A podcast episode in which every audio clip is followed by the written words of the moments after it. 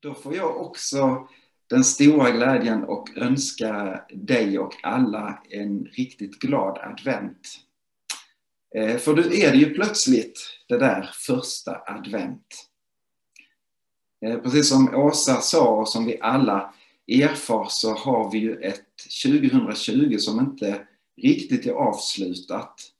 Eh, men trots att vi är på väg in mot att fira det nya året 2021 så är det ju faktiskt så att vi inleder idag ett nytt år i ett annat avseende. Nämligen ett nytt kyrkoår. Första advent. Dagen då vi också som sagt får tända det första ljuset i adventsljusstaken. Och vi står på tröskeln in i, till något nytt. Ett nytt kyrkoår och nya tider som kommer.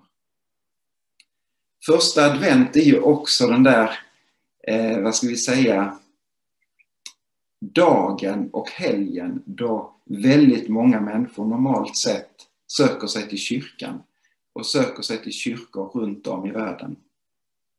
Men så blir det annorlunda i år. Jag kunde inte låta bli att i, i veckan tänka tillbaka till när jag, jag tror jag gick i nian, så där i slutet på högstadiet. Så ringde vi till, ihop oss några konfakompisar och sa att ska vi inte åka ner till Lund och fira första advent? För vi hade hört talas om att domkyrkan den där söndagen eh, var väldigt speciellt. Så vi satte oss på tåget och åkte ner till Lund och jag minns faktiskt hur vi gick igenom Lund en sån där krispig, eh, kall första adventssöndag, precis som, som vi har det eh, just nu här detta året. Eh, och så kommer vi fram till domkyrkan och det står folk utanför. Och så visar det sig att kyrkan är alldeles proppfull. Så att vi får inte möjlighet att komma in utan vi får stå och följa gudstjänsten utanför och titta in genom de stora portarna. Och någonstans så möttes vi av ljuset och värmen inifrån kyrkan och vi fick höra de här mäktiga adventsalmerna. Och jag minns hur otroligt berörd jag var eh, som ungdom då. Men 2020 så blir det på ett annat sätt. Och det är för många av oss med sorg i hjärtat som vi måste avstå att träffas eh, i våra olika kyrkor och sammanhang. Både i här i Ängelholm, i landet, men i världen i stort. Jag skulle vilja säga att det fattas oss. Mitt i den här sorgen och saknaden och trots att det fattas oss att vi kan mötas på det sättet som vi önskar och längtar efter så måste vi få hålla fast vid att där är trots allt glädje. Det, jag tycker det är en glädje att vi ändå kan få mötas på det här sättet som vi nu möts. Men framför allt så måste vi påminna oss och glädjas över att budskapet i evangeliet är sant. Jesus lever och Herren är nära.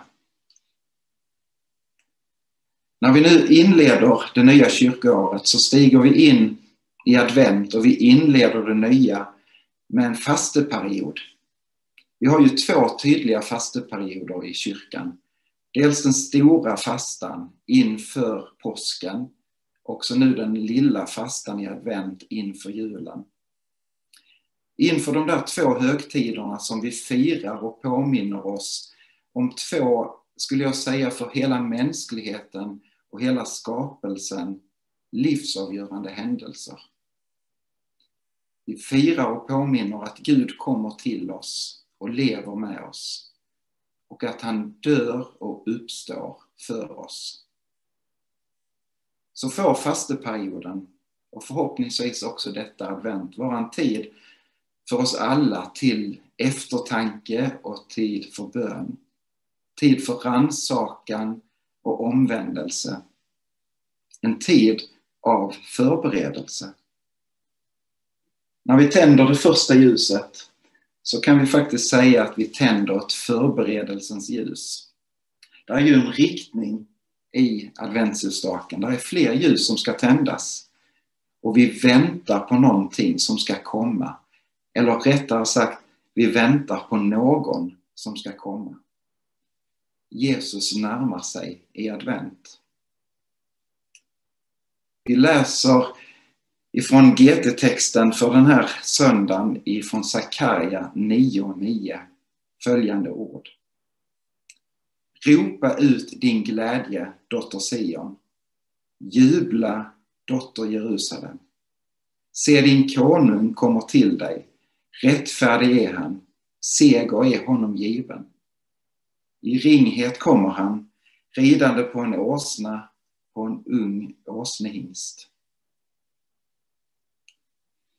Här får vi höra profetens röst som talar om det som ännu inte var, som om det redan fanns.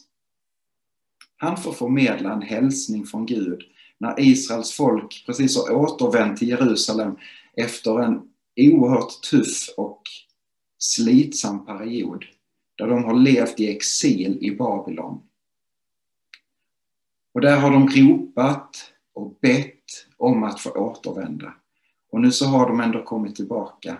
De har svåra år bakom sig, men ändå så har de någonting mer att se fram emot. Och så kommer profetens röst. Med gåtfulla och hemlighetsfulla bilder så ser Sakarja längre och djupare än de flesta. Men det är likväl ord som tröstar och ingjuter nytt hopp i folket. Han tänder med dessa ord ett förberedelsens ljus bland folket. Sakarja ser att Herren kommer. Han får se att Jesus närmar sig. Även om det kommer att dröja runt 500 år så får han ändå blicka in i Guds perspektiv. Och han kan därför redan då mana folket till att ropa ut i glädje. Fryda er, för konungen kommer. Förra söndagen så avslutar vi ju kyrkoåret med en viktig påminnelse och ett perspektiv som vi ständigt behöver påminna oss om. Nämligen detta att Jesus ska komma tillbaka.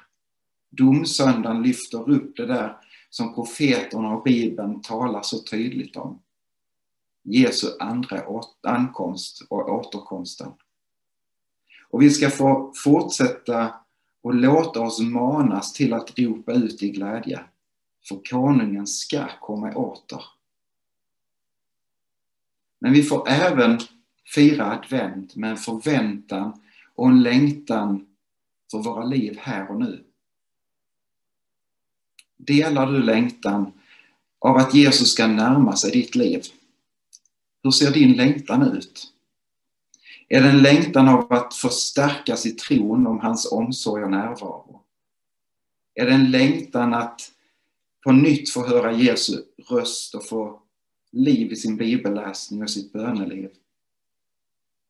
Är det kanske en längtan efter helande eller en längtan efter tröst? Våra längtan kan få se olika ut, men, men delar vi längtan efter honom, Jesus Kristus. Även idag så får vi hålla fast vid Jesu egna ord som Johannes fick ta emot som en profetisk syn när han satt fängslad på ön Patmos.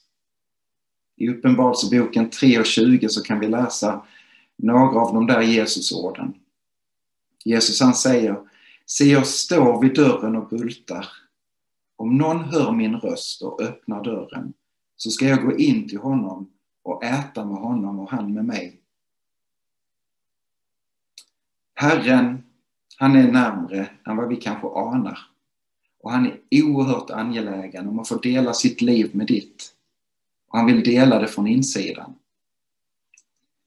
Men vi behöver också inse att han kanske inte dyker upp så där som vi hade tänkt oss eller så som vi hade önskat oss. Sakarja han säger ju och påminner om detta att i ringhet kommer han ridande på en åsna. Så vi behöver be. Herre, öppna mina ögon. Öppna våra ögon så att vi känner igen dig när du kommer.